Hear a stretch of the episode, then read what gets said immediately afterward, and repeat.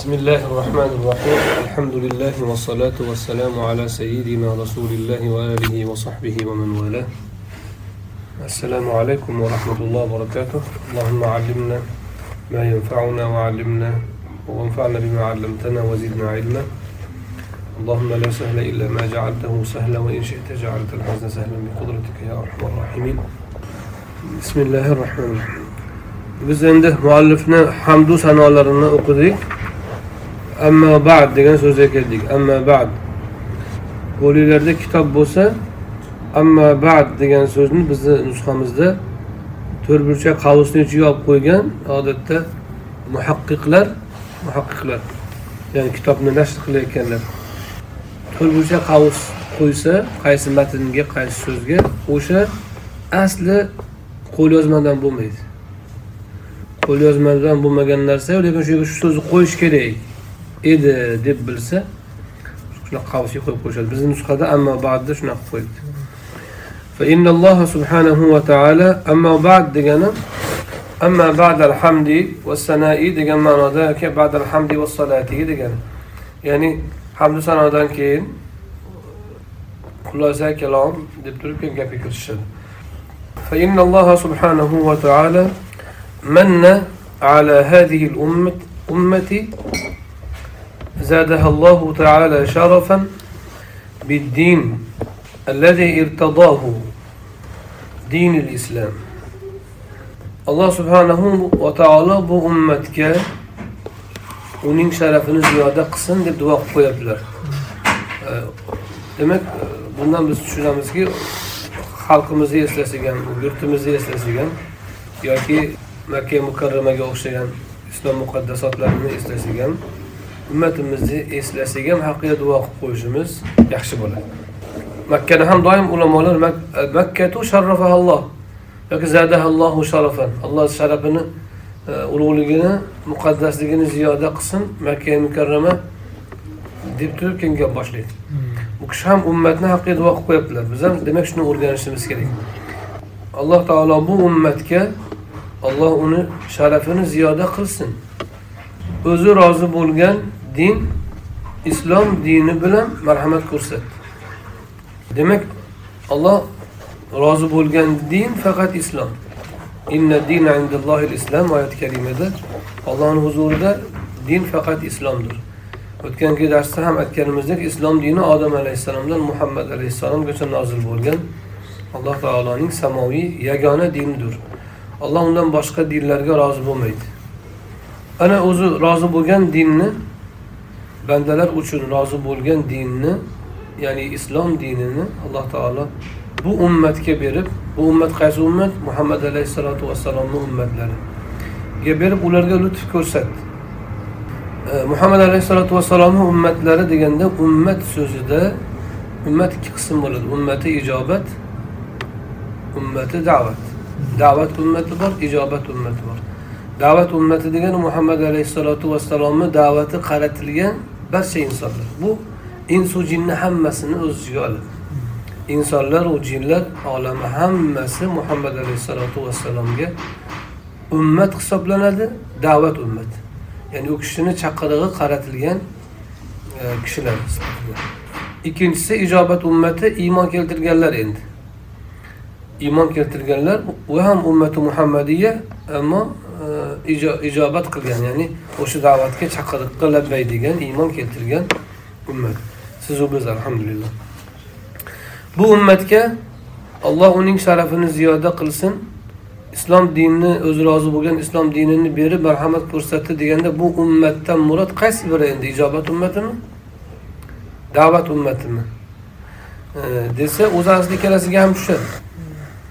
Lekin zadahallohu sharafan degan duosidan sharafini ziyoda qilsin deganda demak ijobat ummatini nazarda tutayotganini tushunamiz ijobat ummatini nazarda tutyaptilar ya'ni musulmonlarni alloh ularni sharafini ziyoda qilsin sharaf degani ulug'lik degani e, ulug'ligini ziyoda qilishi bu duodir duoyi xayr yaxshilik duosi e, ba'zan kishi ijobat bo'lmayotganga o'xshaydi ijobat bo'ladi. Faqat oz ozdan ijobat bo'ladi. Hammani o'zini ixlosiga qarab u so'ragan narsasiga qarab. Masalan alloh uni sharafini ziyoda qilsin dedingiz ummatni bugun. Ertaga ham shu darsni qilyapsiz yana o'sha duoni qildingiz. Iniga ham shu darsni qilyapsiz yana o'sha duoni qildingiz misol uchun. Qanchadir ziyoda bo'laveradi ijobat bo'lsa. Qanchadir nimadadir ziyodalik bo'laveradi. Siz o'ylagan siz kutgan sahobalarni sharafiga yetmasa ham hozirgi ummatni holati lekin qanchadir ziyodalik topadi duoyingiz ijobat bo'lsa. Shuning uchun e, duo qilaverish kerak. Islom dini deb e, aytilgan bu din islom dini deyilishiga sabab islom taslim bo'lish degan. O'shaning uchun muslim deyiladi musulmon deymiz keyin biz uni o'zbekchaga o'girganda. Musulmon o'zi muslimlar degan fors tilida. Musulmon fors tilida muslimlar degan bizda o'sha haligi olimni ulamoni kirgizgandaqa jam siyg'asida kirgizgandaqa e, musulmon so'zi ham fors tilidan bizga jam holatda ya'ni ko'plik siyg'asi bo'lsa ham birlik ishlab kirib ketgan bizda. Tatarlar musulmon deb r qilib aytadi. Muslim deb aytilishiga sabab e, allohga taslim bo'lish ma'nosidan kelib chiqib bu dinga islom deb nom qo'yilgan. Demak kishi haqiqiy musulmon bo'lishi uchun alloh subhanahu va taoloning hukmlariga taslim bo'ladi. Hukmlar ikki xil bo'ladi. Kavniy hukmlar deymiz shar'iy hukmlar deymiz allohni hukmlarini. Kavniy hukmlar degani dunyoni boshqaruvidagi ollohni tasarruflari qazo va qadar.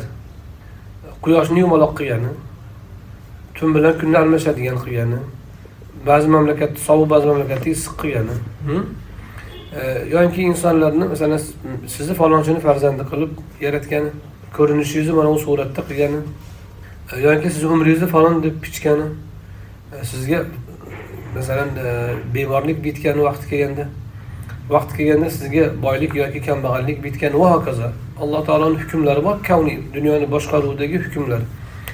Bularga taslim bo'lish ikkinchisi shar'iy hukmlar ya'ni alloh taolo vahiy orqali yuborgan hukmlar. Payg'ambarlar orqali. O'sha payg'ambarlar orqali yuborgan hukmlarini islom dini deymiz. Lekin islom dini kavniy hukmlarga ham taslim bo'lishni taqozo qiladi.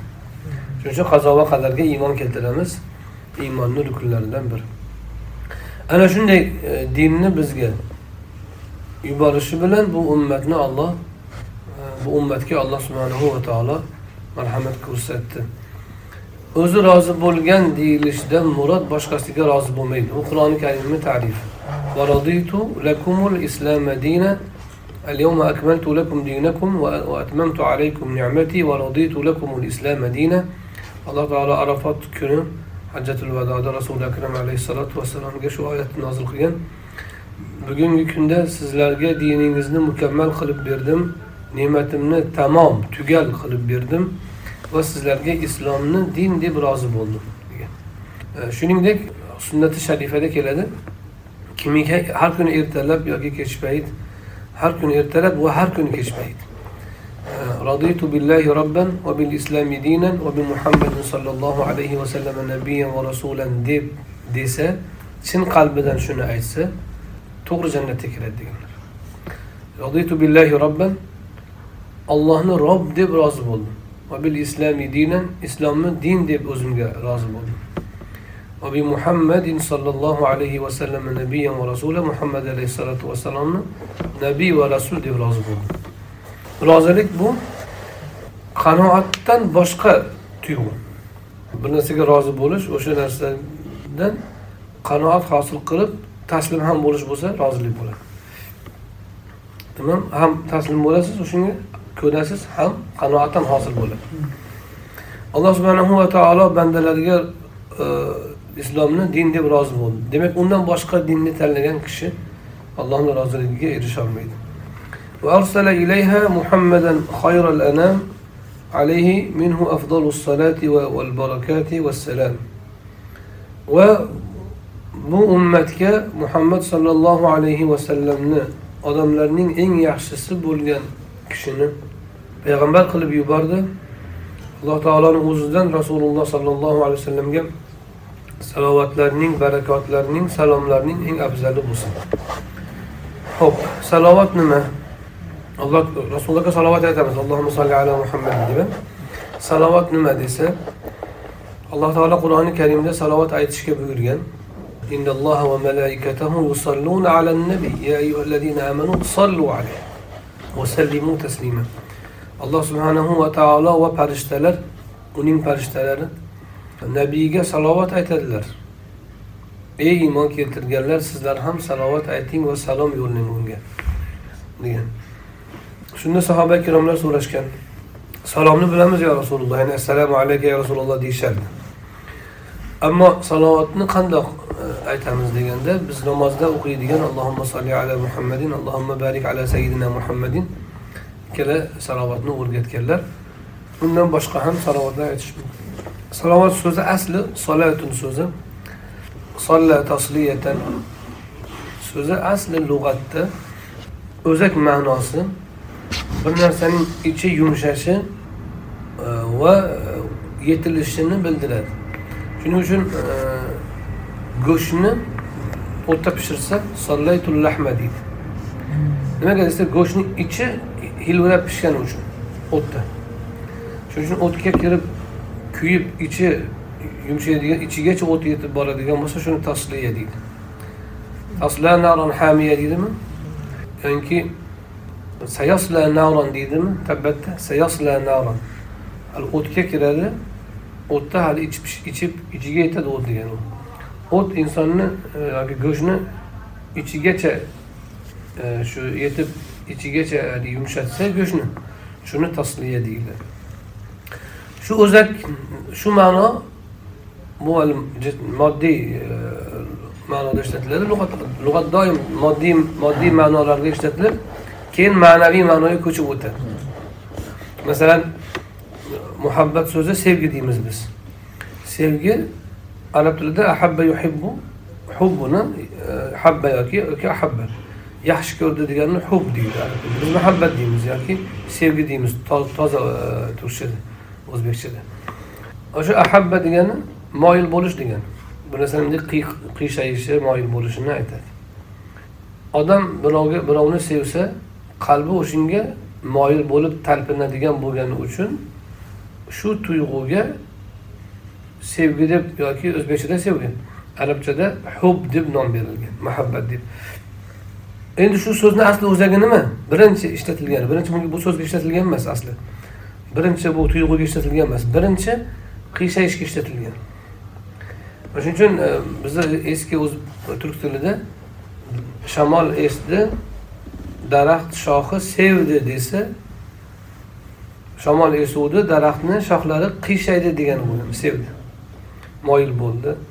E, o'sha moddiy narsaga ishlatilgan so'z keyin mavhum tushuncha deymiz o'zbekchada ya'niki nomoddiy bo'lgan ma'nolarga masalan muhabbat kabi tuyg'ularga ishlatiladi. Xuddi shunga o'xshab tasliya ham aslida haligi aytganimizdek e, umumiy lug'atda bir narsani ichini yumshatish bir narsani ichiga e, ichidagi yumshash e, bo'shashish holatlarini ifodalab ishlaydi keyinchalik yaxshi so'z birovni haqqiga yaxshi so'z aytib yaxshi tilak bildirishga ishlatilgan. Nimaga? Chunki siz birovga yaxshi tilak bildirsangiz ichingiz shu odamga yumshagan bo'ladi. Ichingizda o'sha odamga mehr paydo bo'lsa shundan kelib chiqib keyin unga yaxshilik tilagini aytasiz. E, keyinchalik yaxshilik so'rash yaxshi tilak aytish mm, yaxshilikni e, yaxshilik bilan birovni eslashni shu lug'at bilan ifodalashga o'tilgan sonlar bilan tasliya bilan. Endi alloh subhanahu va taolo salovat aytadi degani alloh taolo yaxshilik yaxshi so'z aytadi alloh rasulullohni e, sha'nlarida. Rasulullohga mehr ko'rsatadi degan alloh salovat aytadi degan mehr ko'rsatadi. Farishtalar ham mehr ko'rsatadi biz ham mehr ko'rsatamiz hammamiz muhammad alayhissalotu vassalomga lekin o'sha mehr ko'rsatishimiz maxluqniki xoliqnikidan boshqa bo'ladi. Biz mehr ko'rsatishimizni ifodasi haqlarga duo qilish. Allohumma solli ala. Alloh taolo o'zing u kishiga salovat aytgin ollohni salovat aytishchi alloh taoloni u kishiga rahmatini ziyoda qilishi iltifotini ziyoda qilishi e'tiborini ziyoda qilishi endi marhamatlarini ziyoda qilishi shuning uchun ollohdan salovat ollohdan rahmatdir deydi. Farishtalardan istig'fordir bandalardan duodir deyiladi. Insonlardan. Hammasini negizidagi narsa haligi lug'atdagi mehr ko'rsatish.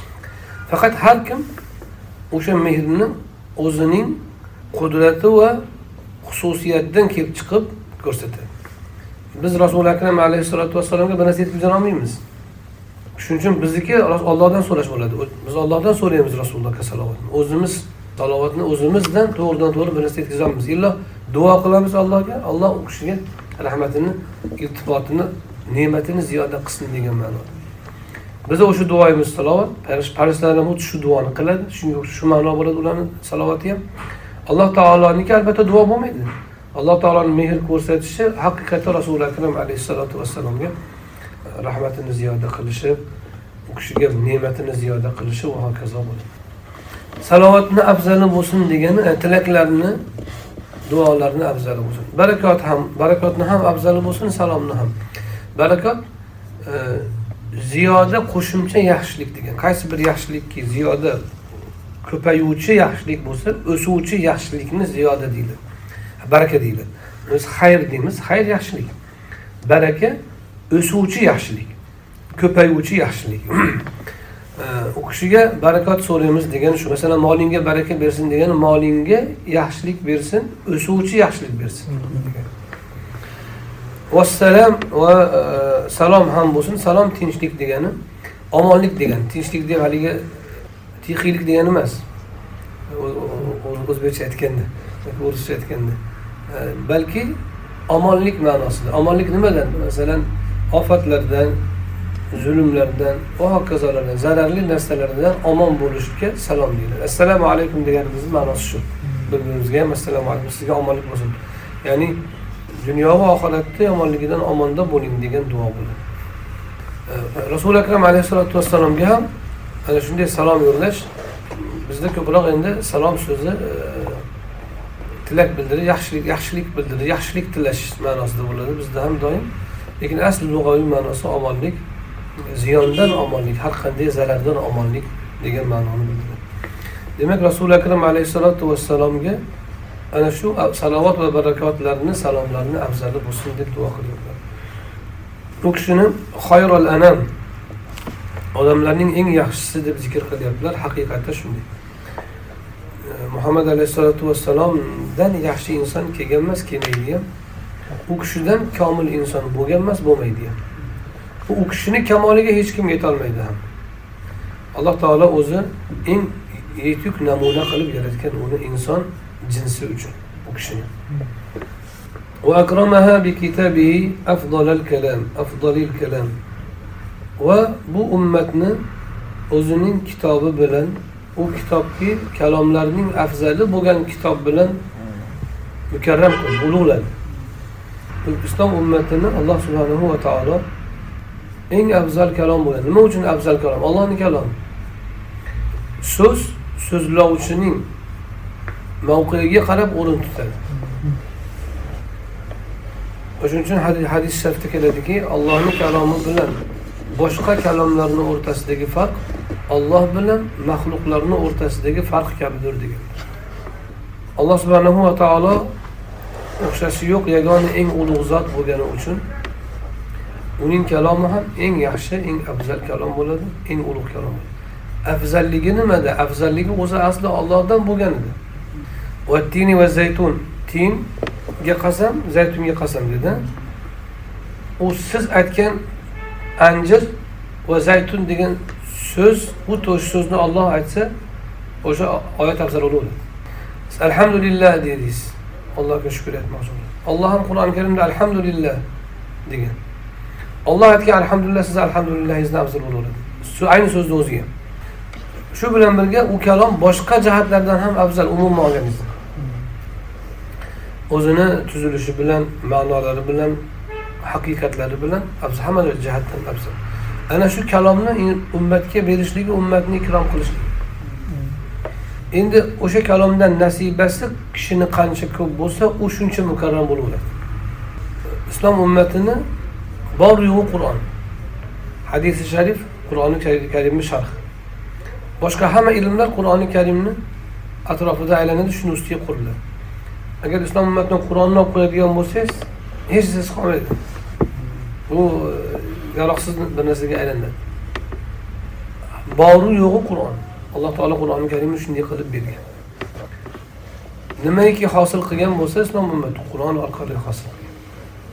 O'shaning uchun uni qur'oni karim bilan sharafladi mukarram qildi ulug'ladi deyaptilar وجمع فيه سبحانه وتعالى جميع ما يحتاج إليه من أخبار الأولين والآخرين والمواعظ والأمثال والآداب وضروب الأحكام والحجج القاطعات الظاهرات في الدلالة على وحدانيته وغير ذلك مما جاءت به رسله صلوات الله عليه وسلامه وجمع فيه يعني o'sha qur'oni karimda o'zini kitobida alloh taolo nimaiki kishilarda ehtiyoj bo'ladigan bo'lsa hammasini jamlab qo'ydi o'tganlarni xabarlari bo'ladimi oldingilarni keyingilarni xabari bo'ladimi maviza bo'ladimi yoki zarbul masallar bo'ladimi odob bo'lsin yoyinki turli hukmlar bo'lsin yoyinki alloh subhanahu va taoloning yagonaligiga dalolat qiladigan ochiq oydin qat'iy hujjatlar bo'lsin. Shu narsalardan barini barini va undan boshqa boshqa boshqa yana ma'nolarni boshqa haqiqatlarni alloh taolo qur'oni karimda jamlab qo'yadi. Va boshqa payg'ambarlar olib kelgan hamma xabarni qur'oni karimda jamlab qo'ydi salovatullohi alayhi vasallamu alloh taoloning rasuli akram alayhissalotu vassalomga salotu salomlar bo'lsin ya'ni qur'oni karim bilan nima uchun qanday qilib mukarram bo'ldi? Alloh taolo nima qilib ulug'ladi qur'on bilan? Bu ummatni desa bu qur'onda alloh taolo tarixni ham bayon qilgan. Tarixni qanday bayon qilinishini ham bayon qilgan. O'tganlarni ilmi ham bor. Kelajakni xabari ham bor. Hozirgi yashayotgan holatimizdagi o'zaro munosabatlarimizni hukmlari ham bor. Bitta kitob shuncha narsani jamlashi o'zi mo'jiza o'zi asli. Odam olti yuz bet olti yuz bet qur'on olti yuz bet kitob yozsin agar shunda bu narsalarni jamlashi mumkin mumkin emas. Inson inson qo'lidan kelmaydi. Alloh taoloni shu narsalarni jamlab berishi ya'ni shu qadar katta ilmni ummatga taqdim qilishi ularni mukarram qilgan ulug'ligi ibn abbos roziyallohu anhu aytganlarki man tuyamni ipi yo'qolib qolsa ollohni kitobidan topaman. Degan biz bir narsalarni qur'ondan topolmayotgan bo'lsak qur'onni yo'qligidan emas bizni aqlimiz yetmayotgan fahmimiz kaltaligidan bo'ladi. Albatta tafsilotini aytmaydi qur'oni karim. Qur'oni karim yo'nalish beradi. Har bir narsaga hayotingizda har bir narsaga yo'nalish topishingiz mumkin. Oddiy ovqat yeyishga birinchi nima yeyin desangiz o'shanga ham bor. Oldingizda ovqat turibdi dasturxonda bir necha xil ovqat turibdi. Meva turibdi suv turibdi. Qaysi biridan boshlang? Qur'onda bor ishora. To'g'ri birinchi falon narsani yeyglar degan hukm yo'q lekin ishora bor. Faqat uni biz anglashimizga bizda shunga yarasha ilm kerak. Shunga yarasha fahm kerak. Allohni o'zini bir tavfiqi bo'ladi bunda. Sahoba ikromlar ana shunday bilishgan payg'ambarimiz shunday o'rgatganlar qur'oni karim shuning uchun ibn abbos aytyaptilarki roziyallohu anhu tuyanma ipi yo'qolsa qur'ondan topaman deydi bo'lmasa tuyani ipi degan so'z yo'q qur'onda lekin shuni topadi qayerda yo'qolishiga qarab qanaqa yo'qolishiga qarab qur'oni karimdan shuni chiqarib olsam bo'ladi endi bu misol tariqasida aytganlar bu degani hayotimni har bir lahzasi har bir ishi har bir nuqtasini yechimini qur'ondan topa olaman degan. Biz ham qur'on yodlashimizdan murod o'zi bittasi shu. Chunki qur'oni karimni yodlasak keyin uni fahmiga ega bo'lsak qur'oni karim bizni zehnimizda turadi doim. Hayotimizni har bir lahzasida har bir qadamimizda o'sha narsa qadam qo'yishdan oldin bir ishga qo'l urishdan oldin bir so'zni aytishdan oldin o'shanga munosabat qur'ondan bizga chiqadi. Falon gapni aytib bering dedi menga. Darrov zehnimga bir necha oyat keladi ki shu gapni aytishim to'g'rimi to'g'ri emasmi falon ishni qilamiz dedi menga. Yoki qiling dedi menga. Yoki o'zim qilmoqchiman bir ishni. Darrov zehnimga falon falon oyatda keladi. Qilish qilmasligimga manda yo'nalish paydo bo'ladi. Mana shu qur'onni hidoyat bo'lgani shu bo'ladi. Kishilarga hidoyatdir degani shu. Lekin uni olib tashlab qo'yib qo'ysak yoki yodlab e, gina qolsak bizga u hidoyat bo'lolmay qoladi yodlagan yodlaganimiz hidoyat bo'lishi uchun eng katta birinchi qadam. Chunki yodlamasak agar biz qur'oni karimni ma'nolarini tushunganimiz bilan bizni zehnimizga doim kelib turmaydi. Bizni zehnimizga turli munosabatlarda qur'oni karim kelmaydiki chunki biz yoddan bilmaymiz. Inson yodlamagan narsasi bilan fikrlolmaydi doim fikrlar yodda turgan ma'lumotlar bilan kechadi fikrlash. Fikrlash esingizda bor narsa bilan kechadi. Falonchi odam yaxshimi yomonmi pistonchi bilan ish qilsa bo'ladimi bo'lmaydimi desa siz o'ylab ish qilsa bo'ladi yaxshi odam deb bilaman deysiz. Desangiz keyin e amakisini o'g'lini aldagan ekanu deydi. Desa ha aldaganida haqiqatda bo'lmasa ehtiyot bo'ling deysiz. Siz haligi odamga to'g'ri baho birinchi baho bergan noto'g'ri baho beryapsiz. Nima uchun? Bitta ma'lumot esingizdan chiqqani uchun. Qachonki o'sha ma'lumot eslatilgan paytda e, bu odam bilan ish qilmang deyapsiz. Demak fikrlash mavjud ma'lumotlar bilan bo'ladi. Esingizda turgan ma'lumotlar bilan. Esingizda yo'q narsa bilan fikrlolmaysiz chunki fikr ma'lumotlarni bir biriga e, terib xulosa chiqarish fikrlash bo'ladi.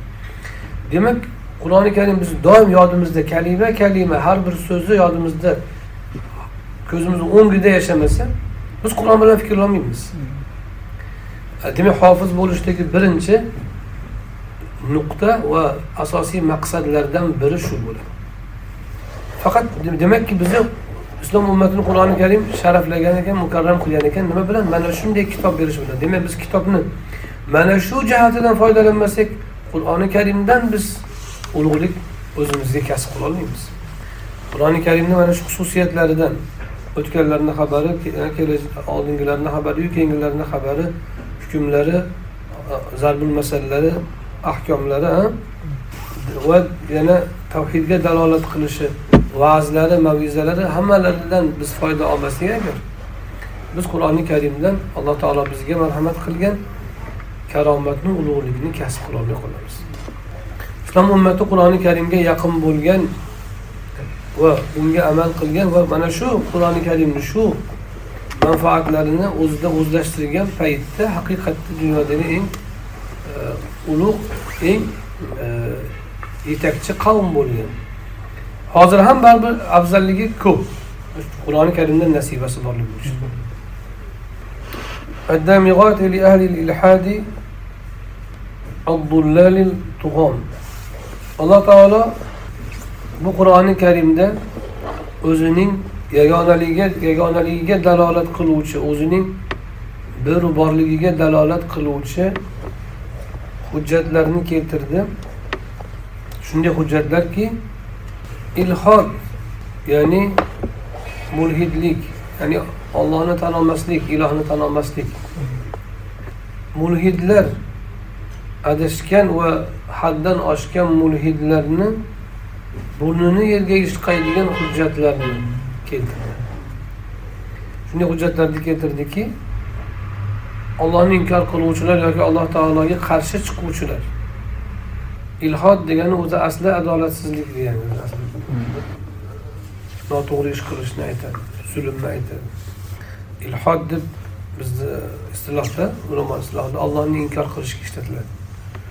Umuman ilohni inkor qilish ya'ni g'aybni mutlaqo inkor qilish ana shunday mulhidlarni bo'ynini egadigan parchalaydigan hujjatlarni keltirdi qur'oni karim demak qur'oni karimdan biz shu hujjatlarni chiqarib ana shunday zulm qilayotgan kishilarga yetarli hujjatni o'tkazishimiz kerak وضاعف الأجر في تلاوته وأمرنا بالاعتناء به والإعظام وملازمة الآداب معه وبذل الوسع في الاحترام uning tilovatida qur'oni karim tilovatida ya'ni uning tilovatida ajru mukofotni bizga ko'paytirib berdi va bizlarni unga e'tibor berish uni ulug'lashga buyurdi Unga nisbatan odobli bo'lish doimiy odobli bo'lish va uni ehtirom qilishga bor kuchimizni sarflashga buyurdi. Demak o'sha ajrni ko'paytirib berishi ham mukarram qilishini suratlaridan bittasi. Qur'oni karimdan boshqa biror bir kalomni hatto hadis sharifni o'qisangiz talaffuz qilsangiz talaffuzingizga ajr olmaysiz. Talab ilm sifatida olishingiz mumkin amal qilganingiz uchun olishingiz mumkin va hokazo. Ammo har bir lafziga olinmaydi.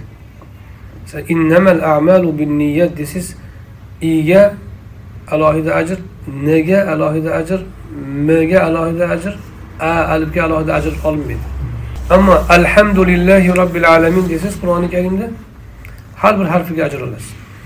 O'zingiz shukur qilib alhamdulillahi robbil alamin e, yaxshi bo'lib qoldim desangiz bemorligim borda alhamdulillahi robbil alamin yaxshiman desangiz hamdni ajrini olasiz. Xolos. Ammo harfiga ajr olmaysiz qur'oni karimni tilovat qilib alhamdulillahi robbil alamin desangiz harfiga ajr olasiz ana shunday qilib berishini o'zi bu ummatni mukarram qilishi chunki u ajr ajr degani muqobil degani odam bir ish qilsa bir yaxshilik bir muqobil bersa muqobil ya'ni uni muqobiliga bir narsa berilsa shuni ajr deyiladi. Ajr odatda belgilangan muqobilga aytiladi. Jazaan deb keladi jazo jazo ham muqobil lekin ajr belgilangan muqobil. Masalan bir kishiga e, bir kishi sizga bir yaxshilik qilsa nimadir unga yaxshilik qilsangiz jazo bo'ladi. Ammo qilgan sizga nisbatan qilgan munosabati yoki bergan narsasiga o'lchamli narsa qaytarsangiz u ajr. Qur'oni karimga va'da qilingani uchun har bir harfiga o'ntadan boshlab yetti yuz yoki undan ko'p hasana va'da qilingan hasana degani yaxshilik degani yaxshilik deyishdan murod yaxshi amal yoziladi degan. Bu demak ajr bo'ladi. Jazo ham va ajr ham. Nimaga desangiz belgilab qo'yilgan. Falon deb belgilab qo'yilgan. Va zoafa deb bu yerda ko'paytirib berdi deyishdan murod u yog'iga alloh taolo o'zi biladi. O'zi asli bitta harfga bitta hasana bersa ham katta gap. O'nta hasana boshlanishi o'nta hasana. Bu eng kamida. Undan ziyodasi kishini ixlosiga muhabbatiga qur'oni karimni tilovatidagi ixlosiga qarab ziyoda bo'lib ko'payib boraveradi. Tilovatini o'ziga beradi. Hali amal qilmay turib hali tushunmay turib. Shuni o'zi ham katta ikrom. Bismillahi rohmanir rohim deyishingiz bilan sizga hasanat yozilishi u oxiratingiz uchun ham dunyoyingiz uchun ham katta sharaf hisoblanadi. Hasana yozilishidan biz tushunamizki demak bismillahi rohmanir rohim desak alhamdulillahi robbil alamin deganimizda har bir harfiga hasanat desa bilamizki demak har bittasi alohida amal ekan siz o'ylamang fotihani butun o'qish bitta solih amal yo'q. Alhamdulillahi robbil alamin ham bitta butun amal emas balki a l h h m d har bittasi bitta solih amal. Alhamdu deganingizda e, beshta solih amal qilganini savobini olasiz.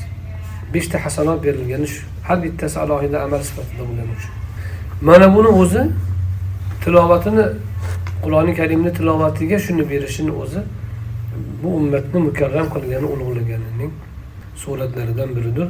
Shu bilan birga qur'oni karimga e'tibor berish unga ahamiyat berish ya'ni uni o'rganish uni ulug'lash unga nisbatan doim odobda bo'lish va uni ehtirom qilishga bor kuchimizni sarflashga buyurdi degani musulmon kishini demak qur'oni karimga nisbatan munosabatlarni aytyaptilar qur'onga nisbatan odobli bo'lish qur'onni yaxshi ko'rish bilan uni o'qish bilan uni mushafni hurmatlash bilan uni o'qitayotgan ustozni hurmatlash bilan uni yodlagan o'quvchi boshqa insonlarni hurmatlash bilan turli suratlar bilan bo'ladi وقد صنف في فضل تلاوته جماعة من الأماثل والأعلام كتبا معروفة عند أولي النهى والأحلام qur'oni karimni tilovatining fazilati borasida ko'zga ko'ringan ulug' kishilardan bir qanchalari ilm egalarining nazdida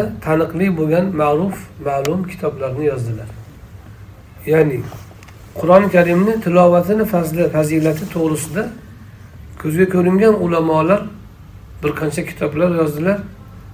Aql egalari oldida ilm egalari orasida bu kitoblar taniqlik ma'ruf ma'lum ورأيت أهل بلدنا بلدتنا دمشق حماها الله تعالى وصانها.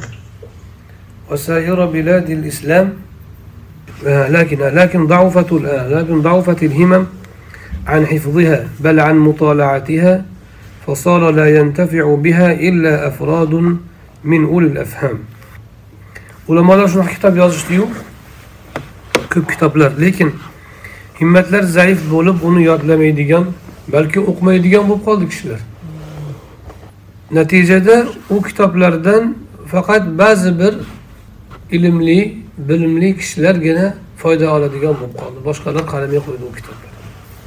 Shu bilan birga bizning diyorimiz damashq deyapti. Bu kishi damashqlik bo'lganlar imom navoiy aytganimizdek.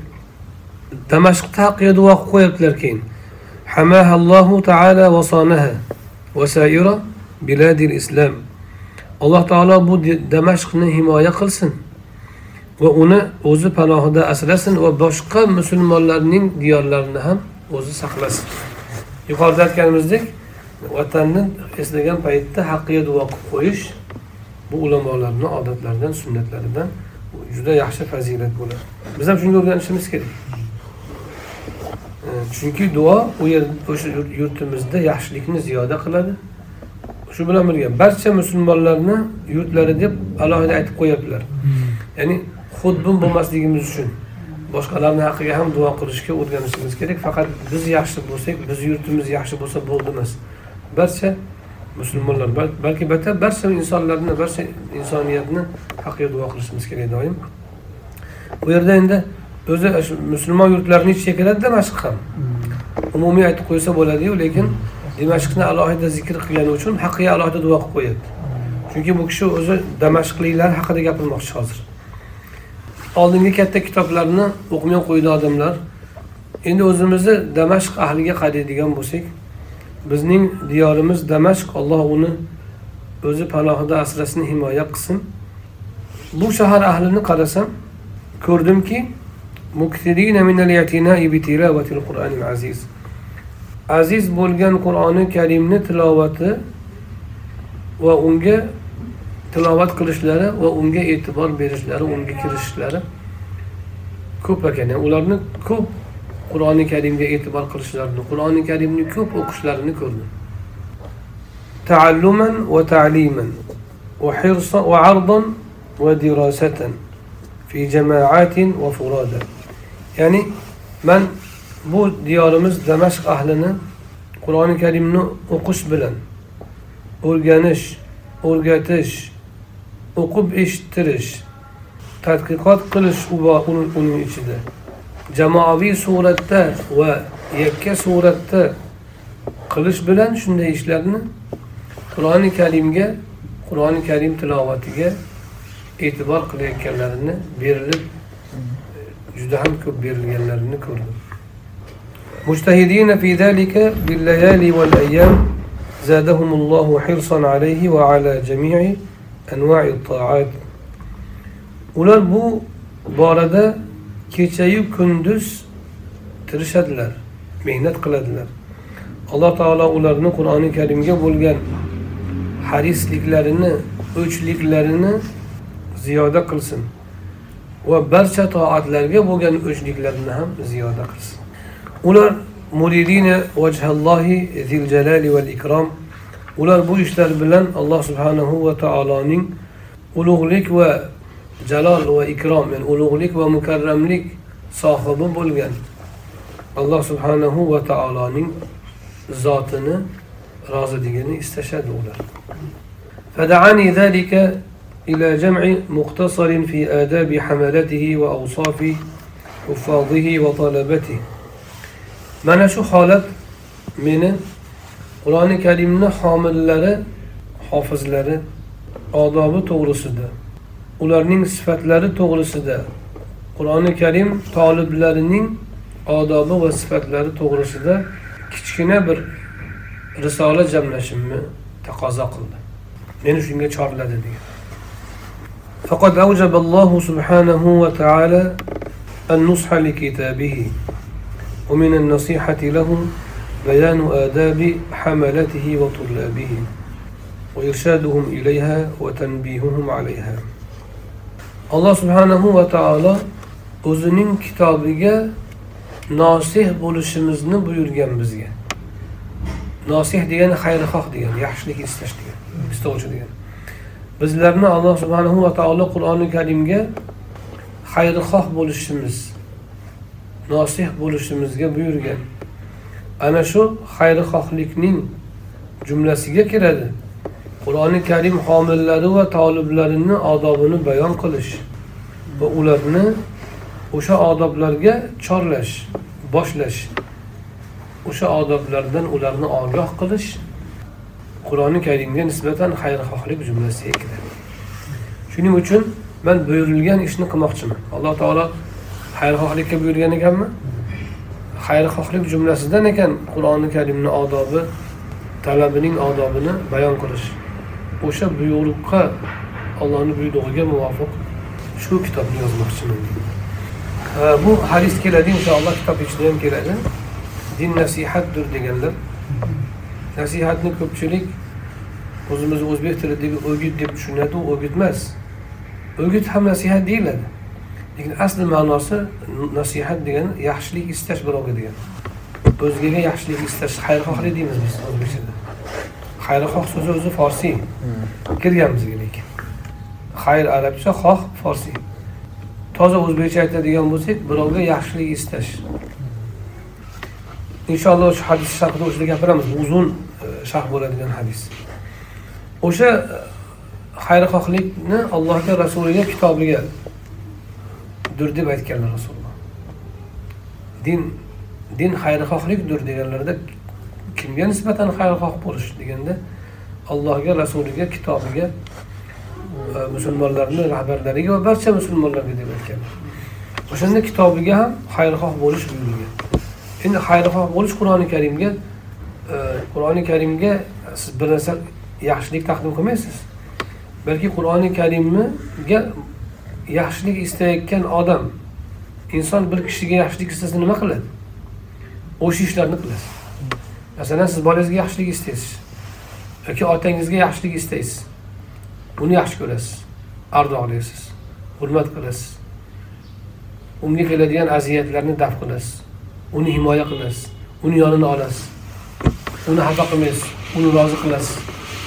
Nima desa aytganda va hokazo siz otaga nisbatan yaxshilik istaydigan bo'lsangiz unga nimalar qilasiz? Xuddi o'sha narsalarni qilish nazarda tutiladi bunda. Qur'oni karimga nisbatan. Qur'oni karimga siz bitta yaxshilik taqdim qilolmaysiz lekin qur'oni karimni e, o'qilishi yodlanishi unga e'tibor berilishi o'rganilishi u tarqalishi u hurmat qilinishi qur'oni karimni hukmlari joriy bo'lishi qur'oni karimni kishilar yaxshi ko'rishi. Va hokazo qaysi biriga xizmat qilsangiz qaysi birini siz bajarsangiz o'sha qur'oni karimga xayrixohlik jumlasiga kiradi o'sha ishlarni jumlasidandir qur'oni karim homillari hofizlarini odobini bayon qilish hamki chunki natijada kishilar qur'oni karimga nisbatan odobli bo'ladi. Qur'oni karim o'qiyotganlar yodlayotganlar qur'oni karimni haqqini ado qiladigan bo'ladi. Shu bilan men qur'oni karimga nosihlik qilgan bo'laman. Shu buyruq sifatida qilyapman. Demak bu din din nosihlikdir deb turib uni jumlasidan buni aytgan bo'lsalar demak dinni o'zagi bo'lgan amallardan biriga qo'l uryapman degan. Demak biz ham birovga nasihat qilsak bir odam tolib ilmni qur'oni karimga chaqirarkanmiz bir tolib ilmni qur'oni karimni odobiga chaqirarkanmiz shu ruh bilan qilishimiz kerak. Ha achchig'ini keltirgani uchun bir so'kib qo'yayin deb emas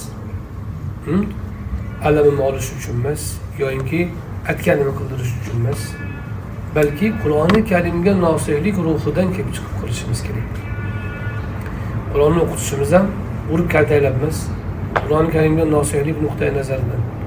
Qur'oni karimni hurmatiga kitobni olganingni ko'zingga surt o'p.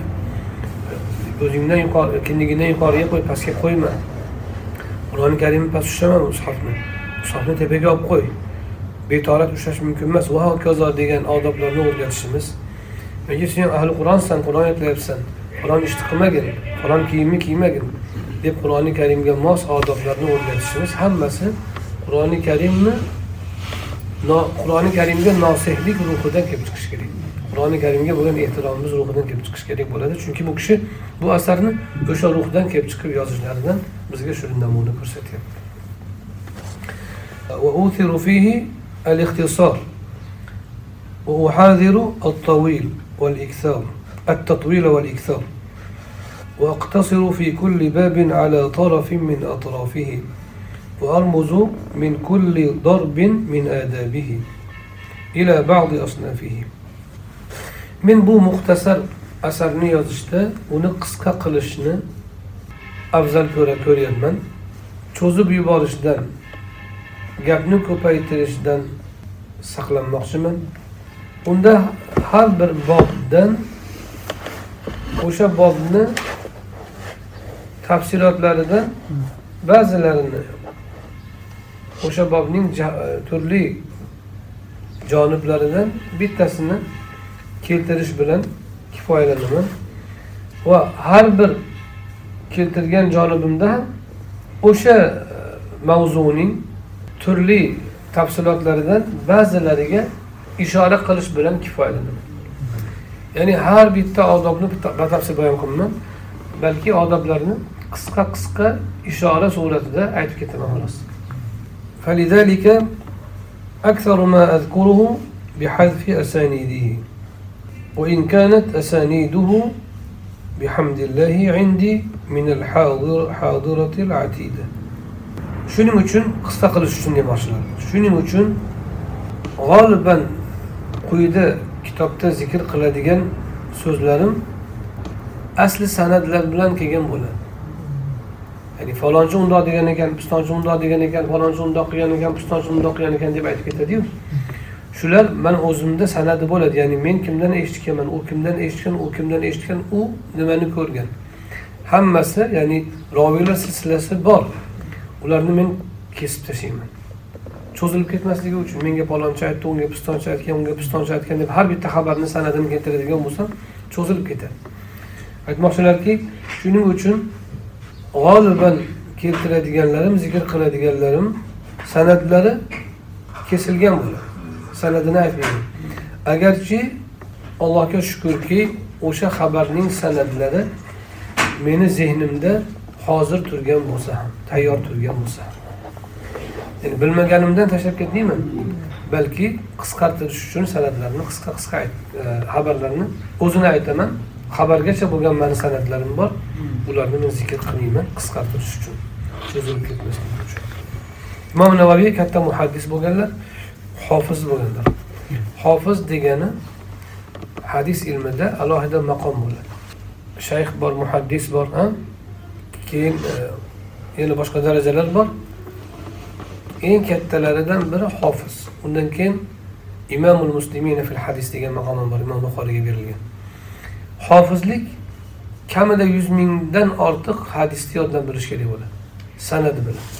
Va o'sha hadislarni sanadlaridagi kishilar borku har bitta hadisda beshta sakkizta o'nta odam. O'shalarni aksarini tarixini bilish kerak bo'ladi. Ya'ni hadis ilmida aksar hadisni yoddan bilgan va aksar roviylarni yaxshi tanigan bo'lishi kerak. Masalan imom muhammad ibn ismoil falonchidan rivoyat qilgan. Affon ibn muslimdan masalan. U falonchidan u g'undardan u ibn uyanadan u sahobiydan eshitgan u mundoq degan desa o'sha san'atdagi har bitta odamni kim bo'lgan otasi kim bo'lgan nasabi qanaqa o'zi qayerda yashagan nima ish qilgan xotirasi qanaqa bo'lgan diyonati qanaqa bo'lgan axloqi qanaqa bo'lgan hammasini bilish kerak. Tanish shunchaki bizni haligi u moskvalik ahmadjon deb tanish emas uni shaxsiga baho bera oladigan darajada tanish. Roviylarni aksarini shunday tanish kerak. U degani o'sha yuz ming hadisda roviylarni aksari masalan balki chiqadi necha mingta. O'shani hammasini bilish yoki aksarini bilish yoddan bilish kitobga qarab chiqarish emas. Yoddan bilsa keyin hofiz bo'ladi. Shuning uchun hofizlik o'ta yuqori daraja o'ta kamyob bo'ladi. Imom navoiy hofizlardan bo'ladi. O'shaning uchun aytyaptilarki u san'atlar mana esimda turibdiyu va hammasi zehnimda turgan bo'lsa ham qisqartirish uchun aytmayman ularni kitob qisqa bo'lsin uchun demak hozir biz qo'limizdagi bu kitob mana e, hozir e, mana biz qo'limizdagi nusxa deylik e, bir uch yuz to'rt yuz bet bo'lsa bunaqadan o'nta kitob bo'lar edi navoiy agar buni batafsil yozaman desa gaplarni qisqartirgan o'qigan kitoblarini xulosasini aytgan san'atlarini ham qirqqan keyin shunaqa kichkina kitob hosil bo'lgan. Biz endi shuni e, bu o'qishimizda hali bir yil o'qiymiz inshaalloh sekin dona o'qiymiz.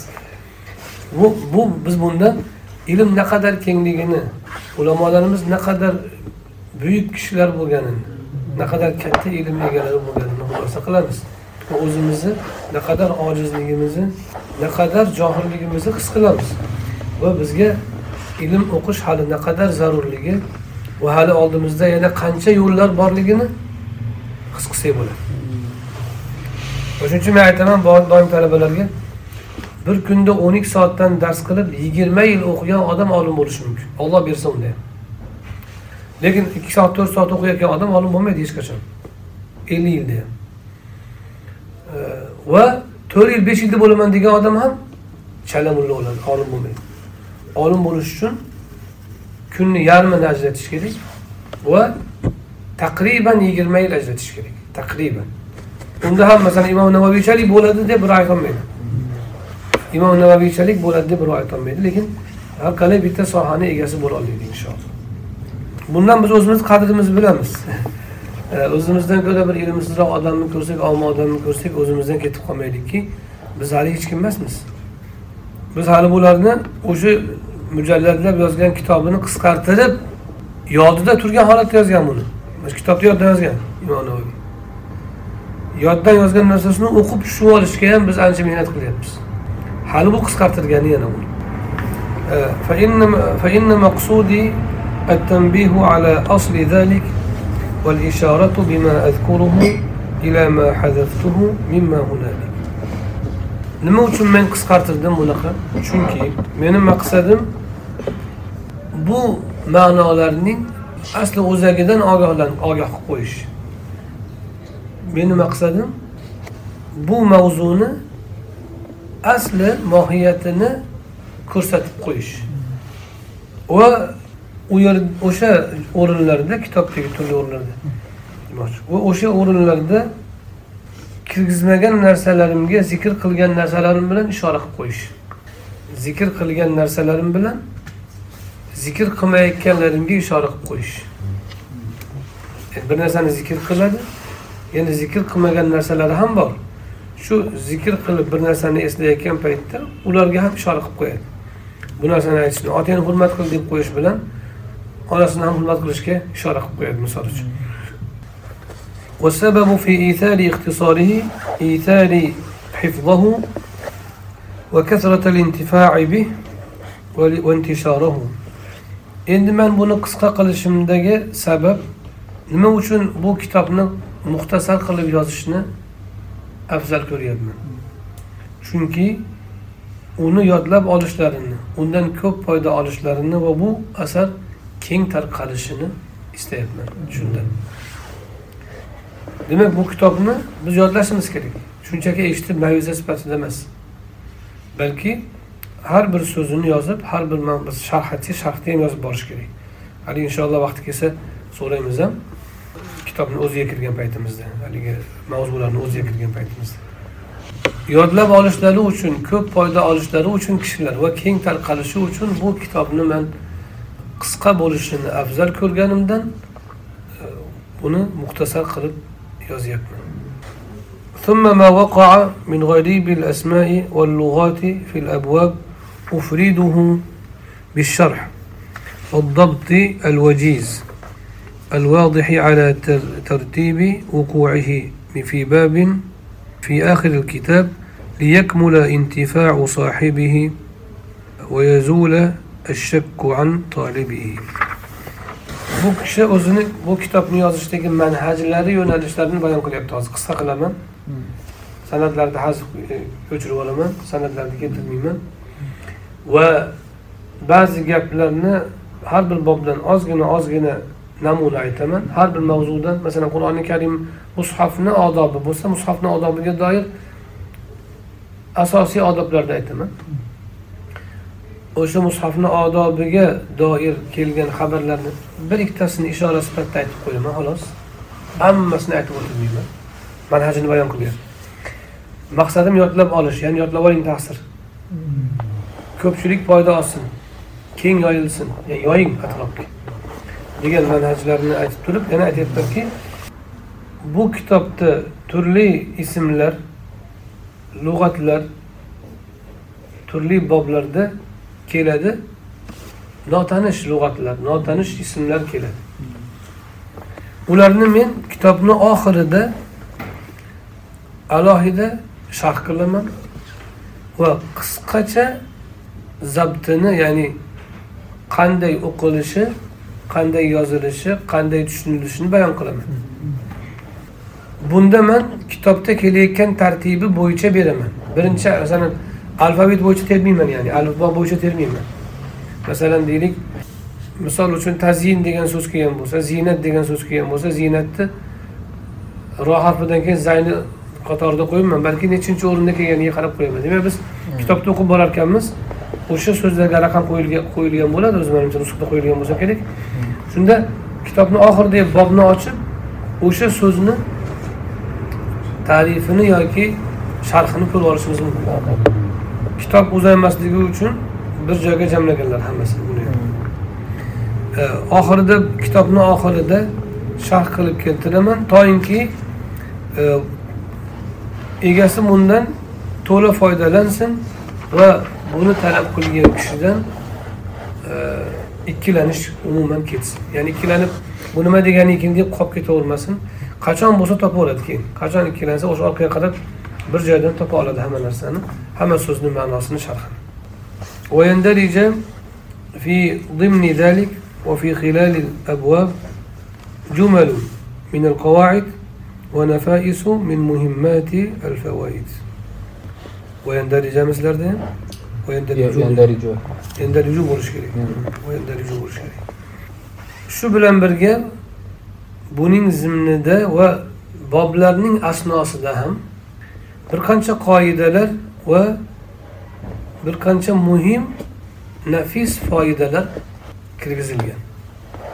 ya'ni faqat oxirida emas hamma narsa ba'zi qoidalar boblarni asnosida ham keladi وبين الأحاديث الصحيحة والضعيفة مضاعفات إلى من رواها من الأئمة الأثبات وقد ذهلوا عن نادر من ذلك في بعض halat.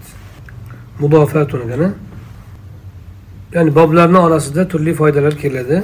Va sahih va zaif hadislarni orasida ham qo'shimcha ma'lumotlar beramiz. Ha mudofat nima ekan? Mudofatdan murod nisbat berish ekan.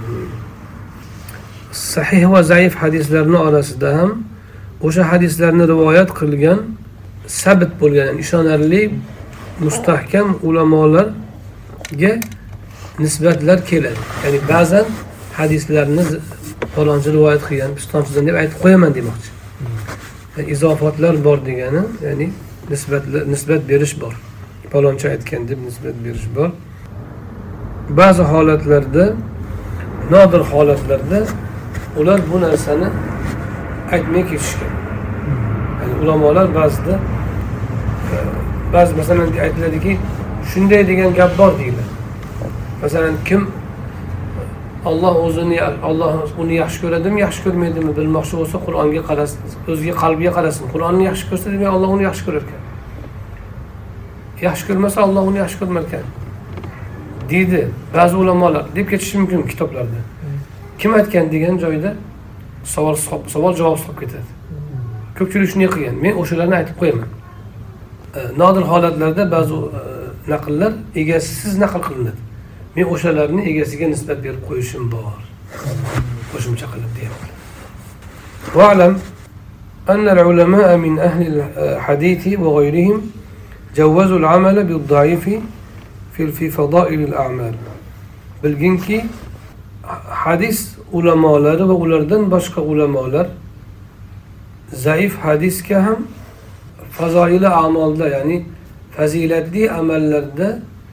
amal qilishni joiz deyishgan. Bu qoidalardan muhaddislarni qoidalaridan hozirda ko'pchilik noto'g'ri tasarrufga o'tgan boblardan. Falon hadis zaif desa go'yoki u yaroqsiz hadis deb o'ylaydi ba'zi odam unaqa emas. Zaif degani u rasululloh aytmagan u gap rasulullohga yolg'on to'qilgan degani emas u zaif. Zaif deganda ayni shu lafz yoki ayni shu ma'no rasuli akram alayhissalotu vassalomdan sodir bo'lgan deb aytiladi lekin aniq aytolmaymiz. Ya'ni aniq aytolmaymiz mabodo aytmagan bo'lgan joylar ham bo'lishi mumkin degan ehtimol bor. Zaiflik qayerdan keladi? Zaiflik. Yo robiylarni san'ati uzilishidan keladi qisqaroq aytadigan bo'lsak masalan abdulaziz abdukarimdan eshitgan abdukarim abdusamaddan eshitgan deydi holbuki abdulaziz abdukarimdan abdukarimni ko'rgan ammo abdukarim abdusamadni ko'rmagan bo'ladi orada kimdir tushib qolgan bo'ladi masalan siz aytasizki opoddan judayam bir saxovatli odam bo'lgan ekan katta opoddan deysiz opoddan shunaqa deb aytar edi deysiz opodingiz ko'rmagansiz kimdan eshitgansiz dadangizdan eshitgan bo'lishingiz mumkin. Onangizdan eshitgan bo'lishingiz mumkin. Amakidan eshitgan bo'lishingiz mumkin. Qo'shnidan eshitgan bo'lishingiz mumkin. To'g'rimi? Endi dadangizdan eshitgan bo'lsangiz u har qalay ishonarli bo'ladi bo'lishi mumkin. Lekin qo'shnidanchi qo'shni bilmasdan aytgan bo'lishi mumkin gumon bilan. Demak siz ota opa odangizni o'sha gapni aytganiga aniq ishonch hosil qilolmaysiz rostdan aytgan bo'lish ehtimoli ham baland. Lekin o'sha orada uzilish borligi uchun aniq shu odam aytgan deb aytolmaymiz chunki o'rtadagi odamni xotirasi qanaqa rostgo'yligi qanaqa bilmaymiz. Agar u amakimdan eshitganman? desa edi amakisini o'rganardik amakisi rostgo'y odam bo'lsa demak bu gapni opadasi aytgan ekan deyaverardik. Shuningdek ikkinchisi yo o'sha uzilishdan bo'ladi yo o'sha odamni o'zini zehni yoki axloqidan bo'ladi. Zehni pastroq odam bo'lsa masalan ulamolar o'rganadi. Bu odamni aytgan gaplarini o'rganadi. Boshqalarni aytganiga solishtiradi. Masalan bir kishi shayx hazratlari unaqa deganlar bundoq deganlar undoq deganlar degan bir qancha gapni aytadi. U kishiga nisbat beradi keyin u kishini boshqa shogirdlari ham boru. Boshqa shogirdlaridan ham siz eshitasiz shu to'g'rida u kishini gaplarini. Keyin qarang solishtirasiz. Anavi sizga aytayotgan ma'murjon yoki karimjon shayx shunday dedilar degan paytda aytgan gaplarini solishtirasiz boshqalarnikiga. Solishtirsangiz to'g'ri kelsa demak bu odam zehni zo'r o'zi rostgo'y bo'ladi. E, to'g'ri kelmasachi hech qaysi shogird aytmagan gaplarni aytayotgan bo'lsachi yoki u kishini odatdagi gaplariga teskari gaplarni aytayotgan bo'lsa shunaqa degan deb demak bu odam yo yolg'onchi bo'ladi yoki xotirasi ketgan bo'ladi. Mana shunday qilib o'rganishgan endi shunda xotirasi ketgan bo'lsa yolg'onchi emas. Xotirasi ketib qolgan bo'lsa xotirasi ketib u esdan chiqaradigan emas. Masalan so'zni to'la eslolmaydi masalan man hozir bir yarim soat gapirdim. Shu eshitayotganlaringizni eslab qolyapsizmi emas? Yo'q. O'ta zehnli odam eslab qoladi. O'sha eslab qolishi qanchalik? Ba'zi odam noto'g'ri eslab qoladi ba'zi odam e, chala eslab qoladi. Eslab qolishi qudrati qanchalik? Shuni o'rganiladi. Ikkinchi odam axloq u odam yolg'on gapirgan emasmi odatda? Yolg'on gapirmagan gapirgan bo'lsa hadis unda o'ta zaif bo'lib ketadi u olinmaydi lekin zaif deganda qanaqa bo'ladi? Zaif deganda o'sha odam masalan to'la eslab ololmaydigan odam bo'ladi. Ba'zi so'zni tushirib qo'yishi mumkin. Ba'zi so'zni o'zgartirib qo'yishi mumkin odam bo'ladi. Ya'ni zehni xotirasi o'ta o'tkir emas eshitgan narsasini to'la yozolmaydi. O'shanaqa holat bo'lishi mumkin yoki uzilish bo'lishi mumkin. Shu ikkala sababdan biri asosan. Hmm. Asosiy sabablardan shu ikkalasidan bittasidan zaiflik keladi hadisga. Endi masalan mana hozir men shu yerda bir yarim soat gapirdim. Keyin shu yerda o'tirganlar chiqib falonchi shu gaplarni aytdi deb birovga hikoya qildi. Shunda endi to'la aytoladigan odam kam bo'ladi. Lekin ba'zi so'zni tushirib ba'zisini chalroq aytsa ham yolg'on gapirmaydi bu masalan shu eshitgan odamlar. O'sha odamni men o'sha gapni aytganimdagi naqlini gapini qabul qilishlik qay darajada bo'ladi shunda ular ulamolar o'ylanadi bu odam odatda eshitganini eshitganidek saqlab qololmaydigan bo'lsa demak ancha muncha so'zda xato qilgan bo'lishi mumkin. Shuning uchun zaif deymiz deydik u zaif degani u o'rtada odam yolg'on gapirdi qo'shib yubordi to'qib yubordi degani emas u. Lekin ayni shu so'z shu shu shu qabilda aytilganmi shuni aniq aytolmaymiz degan. Demak aytilganlik ehtimoli baland. O'sha so'zni sodir bo'lganlik ehtimoli bor. Tushunarlimi? Modam ehtimoli bor ekan endi u darajalari bor bir qancha uni ham hammasi bir xil emas.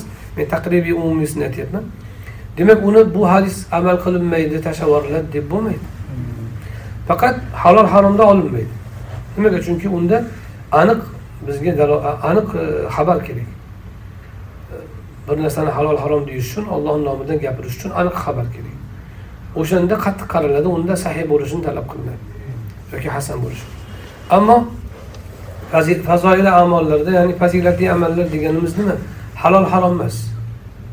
Bundoq qilsa yaxshi bo'ladi. Odobga taalluqli axloqqa taalluqli hm? yana qo'shimcha bir ma'lumotlarga zikrlarga taalluqli xabarlarni fazilatli amallar deyiladi. Ya'ni halol haromga ahkomga daxl qilmaydigan boshqa xabarlar. Ularni orasiga siyrat kirishi mumkin bo'lgan voqealarni hikoyalari. Ularni orasiga zikrlarni fazilatlari kirishi mumkin. Ularni orasiga yana boshqa odob axloqlar kirishi mumkin. Bularni zaif holatda ham qabul qilinaveradi ulamolar qabul qilishga ittifoq qilishgan shartlari bor. Sahihlarga zid bo'lmasin. O'ta zaif bo'lmasin chunki o'ta zaif odatda yo umuman aqli ayniganlarniki bo'ladi xotirasi ketib qolgan kasal bo'lgan odamlarniki bo'ladi yoyinki o'sha yolg'on aralashganlarniki bo'ladi. Shuning uchun o'ta zaiflarniki olinmaydi. Illo boshqa dalolat qiluvchi bo'lsa o'sha ma'noga. Boshqa hadis bo'lsa o'sha orqali bu quvvatlanishi mumkin. Bu gaplarni aytishimizdan murod imom navoiy atay tanbeh beryapti. Hadislarni orasida demak quyida keladigan hadislarni orasida zaif hadislarni keltiraman demoqchi. Sen uni zaifligini bilsang agar san'ati kelmagani uchun biz bilmaymiz san'atini ko'rsak ham bilmaymiz aslida. Lekin uni zaif deb eshitsang birovdan amaldan to'xtab qolma demoqchi. Chunki zaif hadislarga amal qilishga ulamolar ruxsat berishgan. Nima uchun? Chunki agar zaif hadislarni chiqarib yuborsangiz dinni katta qismini yo'qotasiz sunnatni katta qismini yo'qotasiz. Va holbuki u zaiflik yolg'on degani emas asossiz degani emas asosi bor degani asossizlarni ulamolar la asla lahu deb alohida zikr qiladi tagi yo'q deb zaif degani demak tagi bor aytilganlik ehtimoli katta degani ko'pincha o'sha ma'noni bu kishi nuqta nima qilib qo'yyaptilar ومع هذا فإني أقتصر على الصحيح فلا أذكر الضعيف إلا في بعض الأحوال ulamolar zaif hadisga amal qilishga ruxsat bergan bo'lsalar ham fazilatli amallarda men faqat sahihlarni keltiraman zaifni juda ba'zi holatda juda kam holatdagina keltiraman o'sha kam holatda ham amaldan qoldirmagan وعلى الله الكريم التوكل واعتمادي وإليه تفويضي واستنادي allohni o'zigagina karamli allohni o'zigagina tavakkul tavakkulim allohning o'zigadir tayanishim uning o'zigadir ishimni topshirishim suyanishim yolg'iz uning o'zigadir وأسأله سلوك سبيل سبيل الرشاد والعصمة من أهل الزيغ والعناد alloh subhanahu va taolodan to'g'ri yo'l tutganlarni yo'lini tutishni so'rayman o'zimga va bo'yin tovlovchi kishilarni kishilarni holatidan meni saqlashini so'rayman والدوام على ذلك وغيره من الخير في ازدياد. ومعنى شو من معنى دائم قلشنا دائمي شو حالته قلشنا وعندن باشقى زيادة زيادلك برشنا سورة قلنا وأبتهل إليه سبحانه وتعالى أن يوفقني لمرضاته وأن يجعلني ممن يخشاه ويتقيه حق تقاته. الله تعالى meni o'zining roziligiga muvaffaq qilishini va meni o'zidan qo'rqadigan o'ziga haqiqiy taqvo qiladiganlardan qilishini iltijo qilaman وأن يهديني بحسن النيات وييس- وي- وييسر لي بجميع أنواع الخيرات ومن ya- go'zal niyatlarga hidoyat qilishini va barcha yaxshiliklarga meni muyassar qilishini so'rab qolaman ويعينني على أنواع المكرمات ويديمني على ذلك حتى الممات ومنga turli oliyjanobliklar oliyjanob axloqlarni oliyjanob ishlarni bajarishga yordam berishini va mana shu holatda mani o'lgunimcha bardavom qilishini so'rab qolaman وأن يفعل ذلك كله بجميع أحباب وسائر المسلمين والمسلمات. ومن شو سورق اللارم من برسة سنة هم سيوك ليلارم يقل لارم وبرس مسلم ومسلمة سورة قال لهم وحسبي الله ونعم الوكيل لا حول ولا قوة إلا بالله العلي العظيم. Alloh subhanahu va taoloning o'zi menga kifoya naqadar yaxshi vakildir. Ollohni o'zi olloh buyuk va oliy bo'lgan alloh subhanahu va taolo bilandir faqat havl va quvvat. Havl degani o'zgarish degani. O'zgarish bir holatdan boshqa holatga o'tish ya'ni bir holatdan boshqa holatga o'tish va quvvat faqat alloh subhanahu va taoloning o'zi bilandir deb tugatadilar. Biz bu yerda oladigan foydalarimiz endi gapni qisqa qiladigan bo'lsak shu bu kishi o'zlariga so'rayotgan narsalarni biz ham o'zimizga so'rashimiz va o'sha so'ralayotgan narsalarga erishishga harakat qilishimiz lozim bo'ladi. Shu bilan birga qarang o'zlariga so'rab turib mana shu so'raganlarimni hammasini barcha mani suyuklilarimga ham berishini so'rayman. Balki barcha musulmonlarga berishini so'rayman deganlari bu kishida nosihlik xayrixohlik musulmonlarni hammasiga yaxshilik istash tabiati borligini ko'rsatadi. Mana shu musulmonlik alomatidir. Musulmon kishi doimo o'zini haqqiga va boshqalarni haqqiga barcha musulmonlarni haqqiga yaxshilik so'rash kerak. Mana shu ne'matlarni faqat menga bersin men hammadan afzal bo'lib yuray emas balki shu ne'matlarni alloh hammaga bersin. Hidoyatni hammaga bersin sabotni hammaga bersin deb hammaga yaxshilik so'rashlik bu musulmonning axloqidir. Imom navoiyni e, iymonlari islomlari e, naqadar kamolga yetganidan dalolatdir. Endi bu kitobni boblari haqida gapiradilar. Biz muqaddimani tugatdik. Inshaalloh bu e, qolganini keyingi darsda qilamiz inshaalloh oldin kitobni boblari bilan tanishtiradilar. Qisqa qilib ikki betda undan keyin boblarga kirishadilar. سبحان ربك رب العزة عما يصفون وسلام على المرسلين والحمد لله رب العالمين. السلام عليكم ورحمة الله وبركاته.